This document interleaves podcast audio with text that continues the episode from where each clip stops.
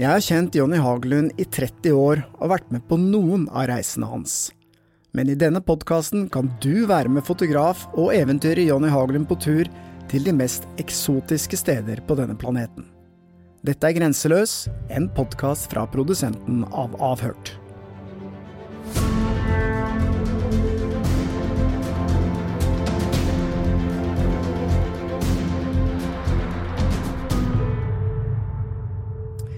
I dag Jonny, så skal du ta oss med til Himalaya.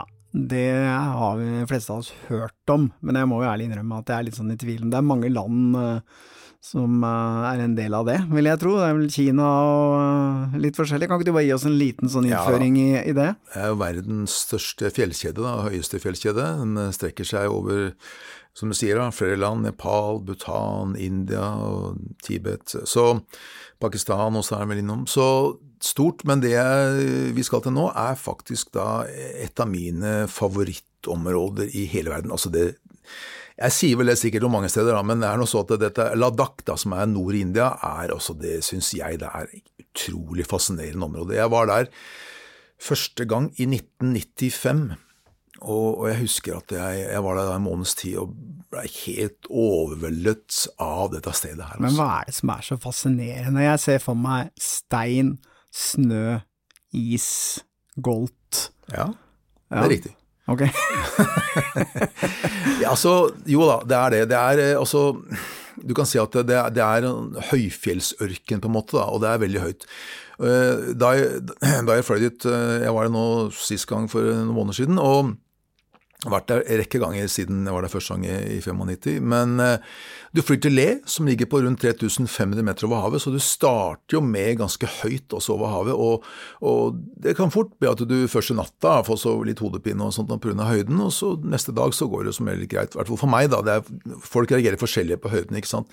Det er veldig høyt. Men det er noe med kulturen, altså. Det er noe med menneskene som bor der. Det er så det er buddhister, ikke sant, eh, de aller fleste, og, og, det er noe herlig ved det. Og så ligger det da gamle gompaer, altså buddhistklostre, som ligger da limt oppi fjellsidene rundt omkring, inne i disse her fjellene. Og det er enormt fjellområde. Og disse, disse gompaene, noen av dem er altså flere hundre år gamle. Og det har, tenk deg, liksom, det har vært der i ja, så mange år, og så er det ikke noe veier. Det er langt å komme dit. Eh, du må gå ofte ikke sant, til mange stedene. Og så er det da, bor det da mennesker her, har bodd der i flere hundre år, også, som dyrker da buddhismen. ikke sant. Men hva lever de av? Zampa spiser de mye av. Det er en sånn blanding av erter og rug som de knuser sammen. Og så er det ikke, du, blir ikke, du blir ikke overvektig oppe i fjellene her, det kan jeg vel si. Og så er det selvfølgelig da eh, mat fra jak, også kjøtt. Eh, ikke Disse munkene spiser jo ikke det, men eh, melk, ost. Men det jeg skal snakke om nå, de som alltid har fascinert meg, jeg møtte dem også første gang i 1995, det er såkalte changpa-nomadene. Altså Det er nomader som lever i telt oppå de høyfjellslettene, og for dem så er det om å, gjøre å leve i et kaldest mulig område fordi at de har eh, geiter. Det blir jo kalt for, eh, hvis dere har hørt om kasjmirull. Kasjmirull kommer fra disse geitene som disse shangpa-nomadene har. Eh, det kalles også pashmina, vi har sikkert hørt om det. I hvert fall altså er det det disse geitene har, og høyere opp og kaldere det er, bedre kvalitet blir det på ulla til disse geitene. Og det er det de lever av. Ja, ok, Så jeg forstår at jo høyere og kaldere dere er, jo mer ull trenger jo egentlig geitene for å holde varmen, da, så da blir ja. kvaliteten bedre. Ikke sant. Derfor så lever champagne veldig høyt oppe. Ja, Hva snakker vi om? 4000, eh, 5000. De, de eh, lever på 4000-5000 meter? Ja, altså de går sjelden under 4000 meter over havet. Okay. Eh, Sist gang møtte jeg dem på 4750 meter på vårparten. Eh, og så om sommeren går det enda høyere opp, ofte over 5000, så, så 5005. Og, det er, og da, da, er det kaldt. Om vinteren jeg har aldri, altså jeg har vært i Ladakh på vinteren, da besøkte jeg ikke nomadene, faktisk. Jeg var på noe, et annet eventyr i noe som heter Sanskar. Men iallfall så fortalte Anjuk Tsering, som er Eller Tsering Anjuk er jo vel mer korrekt for det, Anjuk heter han hans. Han er kjent siden 1995. Han er jo født og oppvokst der og kjenner veldig godt til nomadene. Han forteller at om vinteren så kan det fort være 40 45 minus og sterk vind. Eh, jeg var der i mai måned, da var det 12 minus om morgenen og sterk vind. Så det er kaldt, men likevel. Det som er saken nå, i 1995, så bodde de i eh, telt strikket av jakpels. Eh, de hadde masse jak, masse geiter, og, og, og, selv om de på en måte de har levd sånn siden tidenes morgen, så, så har de klart seg bra. Fordi at om vinteren så kommer det snø, og fordi snøen lager sånne små midlertidige isbreer, slik at når sommeren kommer, så, så renner den der, det ferskvannet fra isbreen renner sånn stadig, helt fram til august kanskje, så de får ferskvann til å drikke og til dyrene sine. Samtidig som våren da den gang var, varte lengre, altså sånn at snøen lå oppå bakken i lengre tidsrom, slik at bakken fikk vann, dermed så spira gresset, visstnok. Nå fortalte de meg en sist gang, og det her er ganske skremmende pga. klimaforandringene. Altså de, de, de, de, vet ikke helt hva det er, men de ser det at de midlertidige isbreene de smelter i mai, og våren er så kort at rekker ikke, snøen rekker ikke å gi vann til gresset, sånn at nå er det helt avhengig av subsidier fra indiske myndigheter. Ellers så klarer ikke dyrene å få nok mat. Da dør dyrene. Og det er sånn, forteller Anjuk, at når en eh, Changpan-område flytter fra et sted, så er plasten stedet hvor hans telt har stått. Der er det ingen andre som har lov å slå opp teltet sitt etterpå. Eh, men når han som da har vært borte noen år fra nomadelivet, kommer tilbake, så må han først og fremst betale en bot til den gruppa nomader som han tilhører, for at han har vært borte. Eh, og så har han ikke lov å kjøpe hvis han skal kjøpe dyr, og det må han skal han klare å leve som nomade, så må han ha dyr som han kan leve av. Og da har han ikke lov å kjøpe dyr av andre enn av de nomadene i den gruppa hans, fordi at kjøper han eh, dyr fra en eh, gruppe som er på utsiden deres, en annen gruppe, så kan de bringe med seg smitte inn i gruppa hans, da, den gruppa som han tilhører. Derfor er det ikke lov å kjøpe dyr fra andre grupper. Og det Anchuk sier, som, eh, og årsaken til at jeg var der nå, også fordi jeg syns det er moro, spennende å møte dem, men også fordi at mest sannsynlig om 10-15 år så er disse nomadene borte. De klarer ikke lenger å leve på sletten her oppe. Og det er hovedsakelig da, i hvert fall ifølge Anchuk, og også ifølge dem selv, selv om de på en måte ikke sier det med de, de ordene jeg bruker nå, pga. klimaforandringene. Ja, så dette er liksom en, et folkeslag og en kultur og en måte å leve på som står i fare for å rett og slett bare forsvinne fordi at uh, kloden blir varmere. Ja, altså de har jo ikke vann om sommeren, det er som sagt en høyfjellsørken, så somrene kan det bli ganske varmt. Og de er helt avhengig av det, ikke sant, drikkevann. Og samtidig som dyrene også er helt avhengig av å få gress. Men det som er, altså, også er skummelt med det, er at det bor en del andre dyr også oppe i fjellene her. Snøleopard, ulver eh, og en del sånne noe som er blue sheep, en slags antilope eller et eh, ja, også, og snø, eh, Steinbukk eller vet du, snø, snø, sånne svære geiter, ville geiter. Men de også preges av det. ikke sant? Mindre byttedyr for snøleoparden gjør at de også får en utfordring ikke sant, i fremtiden. Fordi at det er mindre mat til gressetende dyr, som gjør at snøleoparden har mindre å spise. Så det hele henger sammen, og det er ganske skremmende også. Ja, for det er jo egentlig et helt økosystem da, som er i ferd med å kollapse der oppe. Ja. Mm er det det er, ikke sant. Eh, så, men i hvert fall, altså, da jeg møtte dem nå, så, så, det å være sammen med dem Det er litt sånn jeg Skal vi si litt forsiktige jeg møtte jo dem ganske langt ute i kan si, altså, villmarka, der, altså fjellene her. Eh, men de er veldig forsiktige selvfølgelig til å begynne med. De er, da de møtte meg nå sant, de, Jeg er jo helt forskjellig fra dem, så jeg har jo med noen gaver i form av mat, og, og, og kanskje noen klær hadde jeg også med meg. Sånn, men likevel er jeg litt forsiktig. Så det tar meg litt tid å komme innpå dem og få lov til også Jeg kan stå på avstand og ta bilder av det, men jeg er ikke ute etter å på en måte snikfotografere noen. Jeg er ute etter å ta bilder eh, av deres hverdag eh, mens jeg er oppå dem, og de ikke legger merke til meg. Altså De på en måte må bli så vant med meg at de ikke tenker på at jeg er der med kameraet mitt, og det krever tid. ikke sant? Og Det er noe av nøkkelen i, i jobben min, da, også for å komme inn på mennesker. Bruke tid. Fordi at eh, ikke sant, Penger, det er veit om at vi, altså det er ikke bare her, men mange andre steder i verden, veit om at vi, sant, vi rike vestlige, vi har nok av det. Så gi bort penger, det viser ikke at vi bryr oss på men at vi bruker tid. For de veit også det at vi vestlige er ofte litt stressa av mye, alt mye vi skal gjøre. Og, og? Men hvis det kommer en sånn som meg da, og bruker en uke, halvannen uke på dem, så viser jeg dermed indirekte at jeg er interessert, ekte interessert i dem. Og da åpner seg og slipper meg inn på livet deres. Og da får jeg de bildene og den historien jeg ønsker, og forteller hvordan de lever. Det er veldig tøft nå på vårparten, fordi gresset har ikke kommet ennå. Altså, matforrådet fra vinteren er slutt. Og så har ikke gresset begynt å gro ordentlig ennå oppe i høyden. Så dyrene er stadig på vandring. altså Når han er ute og går med dyrene sine på dagen, så må han gå veldig langt eh, for å finne noen få gresstufser som de kan spise. Først i juni begynner gresset å bli grønt. Og da er det lettere, sier han da. Det er den, fine, det er den fineste tiden på året, da. Vinteren er tøff tid. 44 eh, minusgrader, så kan være her i fjor, februar. Da var det 44 minusgrader. Og så er det selvfølgelig da også en evig vind her oppe, da.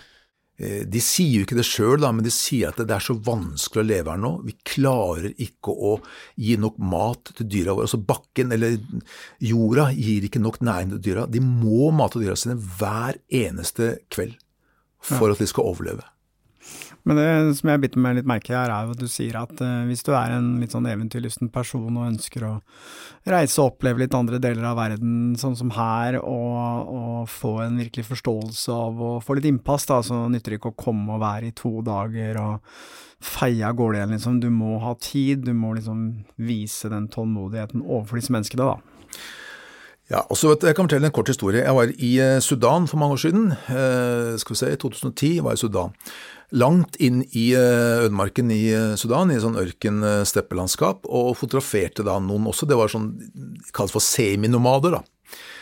Og mens jeg driver og fotograferer og blir kjent med dem, har tatt meg tid å snakke med dem, så fotograferer jeg, så kommer det en amerikansk fotograf. Han var ganske kjent, jeg skal ikke si noe navn nå, det er ikke noe poeng å henge ut noen der, men han kommer med to svære firehjulstrekkere, ikke sant, og folk.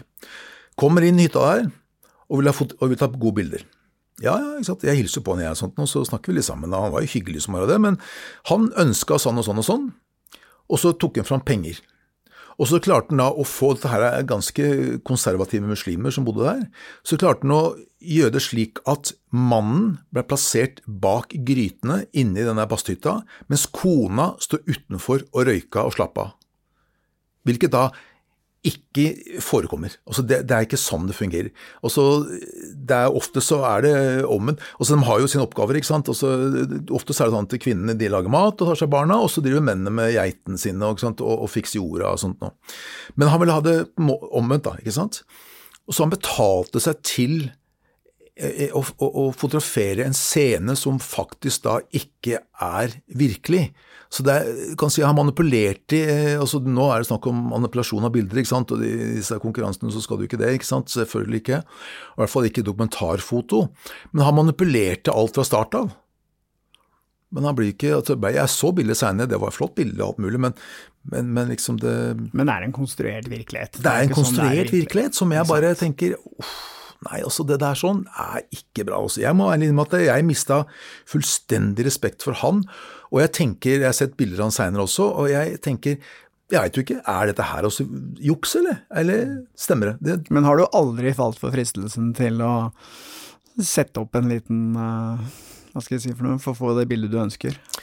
Vet du hva, det Klart at Når jeg reiser f.eks. i Somaliland eller Kongo eller langt inne i, i, i regnskogen i, i Bolivia, så, så, så, er det få som kommer etter meg og kan sjekke at det jeg har gjort er riktig. ikke sant? Det er veldig lett å da tenke at ok, her kan jeg eh, legge på noe, lage noe ekstra. Men problemet med det er at det, selv om det er få eller ingen, det er nesten alltid en eller annen som veit noe. Og hvis du blir tatt for det én gang, så er resten, altså alt annet du har gjort, vil jo da veies opp mot det. ikke sant? Du vil jo se, altså, Samme som jeg tenker på han fotografen jeg møtte i Sudan. Jeg vil jo tenke, jeg, jeg, jeg tenker, Når jeg ser bildene så tenker jeg med en gang hm, jeg lurer på, er det riktig? Så jeg har bestemt meg, altså allerede fra da jeg var, begynte med dette her, så tenkte jeg jeg tar bilder, ok, kanskje ikke er så spektakulært og så flott og så spesielt, men jeg skal i hvert fall vite at det jeg gjør, det er ekte. Jeg skal ikke ljuge, jeg skal ikke manipulere, jeg skal ikke konstruere, jeg skal fotografere virkeligheten. Så jeg har alltid vært veldig nøye på akkurat det der sånn. Så noen ganger så skulle jeg ønske at han der borte sto litt mer til venstre, at han eh, altså dukka eller og sånne ting, men, men jeg kvier meg. Jeg gjør aldri det der sånn. Faktisk ikke. Jeg kan selvfølgelig spørre når jeg skal ta portretter, om jeg kan få lov å ta bilde av deg foran den veggen her, framfor å stå foran et sirkus. og så, Sånne ting, da. Det, det går an. Men det er på en måte det er på en måte lov, føler jeg da. Men når det gjelder sånne ting som foregår, så fotograferer jeg det akkurat sånn som det er. Hvis du ønsker å reise til Himalaya, til dette stedet nord i eh, India, som du har glemt navnet på Hva heter Ladakh. Ladakh. Ladakh. Ladakh, ja. Ladakh. Hvordan kommer du deg dit? Jo, også du flyr til Le, og det er ganske greit. Eh, vær obs på at det er kaldt der, og det er eh, også høyt over havet. Og så derifra så drar det noe som heter Changtang, eller Rupshu kalles det området hvor nomadene lever. Da. De flytter seg tre, fire, fem ganger i løpet av et år, så du veit aldri helt hvor de, ligger, hvor de er. men det er jo flere grupper av dem, da, ikke sant. Eh, men i hvert fall Sering Anjuk han er, driver et eget eh, sånn reisebyrå der, eller sånn eh, lite, lite, kontor. Han er veldig flink til å ordne og fikse ting.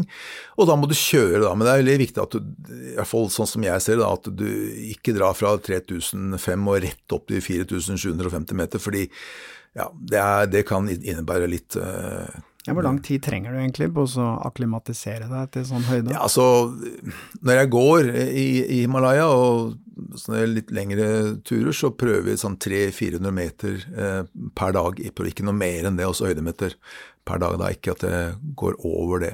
Klart, Noen ganger så blir det litt mer, og andre ganger blir det mindre. Men, øh, men for all del, altså, jeg har vært øh, høydesyk, jeg. Altså, det er ikke noe ålreit, det. Altså, det var akkurat det jeg skulle spørre deg om. Du har vært høydesyk? Ja, jøss, det er klart jeg har vært det. Men Hvordan oppleves det egentlig? Ja, Det er ganske ubehagelig. Du blir likegyldig. Altså, du får hodepine, du kan bli litt kvalm, og så blir det litt den derre likegyldigheten er den som er litt farlig, for du, du bryr deg liksom ikke. Altså, døden også Ja, bra. Det er, det er, nesten litt der også. Okay. Så eneste medisinen er jo da å gå ned igjen. Så er det noen medisiner du kan spise da, som skal på en måte eh, forhindre det, eller, eller, i hvert fall forebygge det også da. Men, eh, men altså, jeg, jeg, var på et foredrag her om, her om dagen med mm, Kristin Harila, som er en av de råeste damene på jordkloden, vil jeg faktisk si. Hun eh, skal nå bestige alle de 14 8000-meterstoppene i løpet av fire måneder. Hun fortalte at hun blir høydesyk. Hun kaster opp og legger seg på bakken i kramper nesten, så, så, så, det skjer alle. Det er ikke sånn at det er, det er ikke noe Men det kan være farlig? Ja, det kan være veldig farlig. Det er folk som dør av det sikkert hvert år. I hvert fall rundt Everest, eh, folk som skal opp til, eh, opp til Everest Base Cap og sånt, og så veit jeg at det, har vært en del dødsfall. Og Jeg husker for mange herrens år siden Vegard Ulvang skulle bestige Dragnari, bl.a. med Chris Bonington. Og Ulvang ikke sant, i knallform og ikke sant, langrennsløper og alt det der, men eh, han blei så sjuk også, han måtte legges inn en sånn oppblåsbar ja, en sånn trykktelt. da, og dratt ned. av Han og ble veldig dårlig. Mens han gamle Chris Bonington han tok isøksa på skulderen og dro opp bakken, han har ingen problemer. Så, så, det handler ikke om det heller, vet du. Men jeg, jeg, husker jeg feil nå, men jeg mener å huske at du var på en tur en gang med noen kompiser.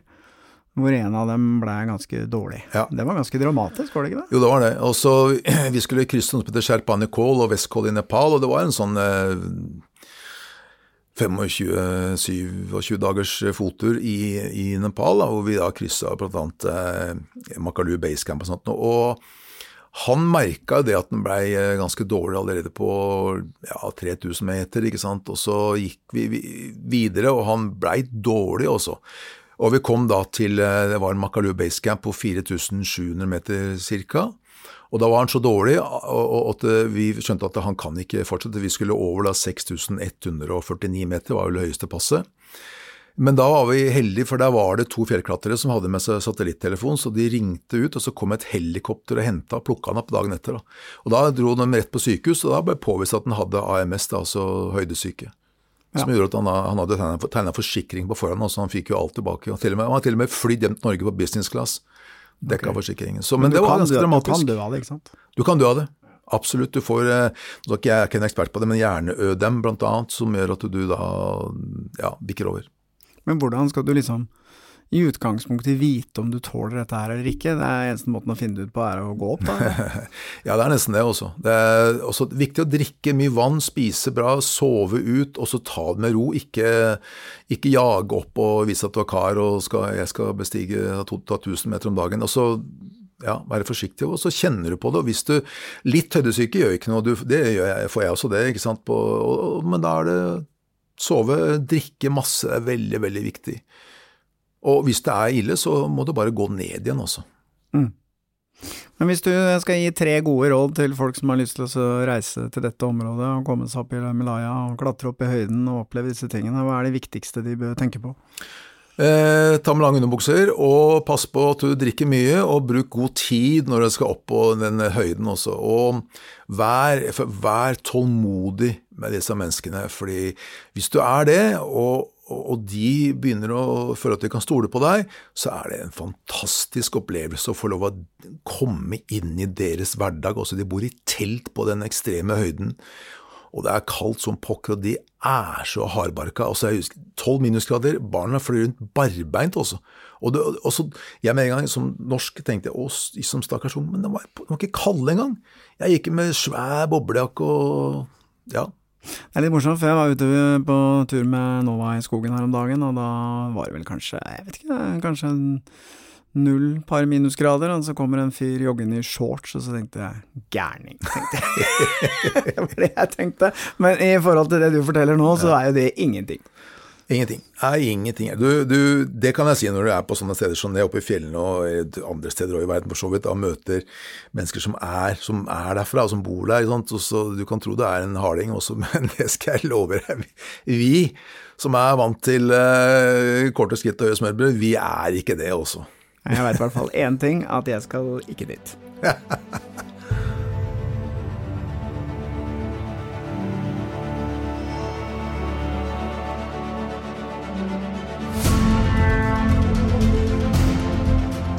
Grenseløs er produsert av Batong Media, og hvis du vil se bilder fra denne turen, kan du gå inn på Instagram og søke opp Jonny-Haglund.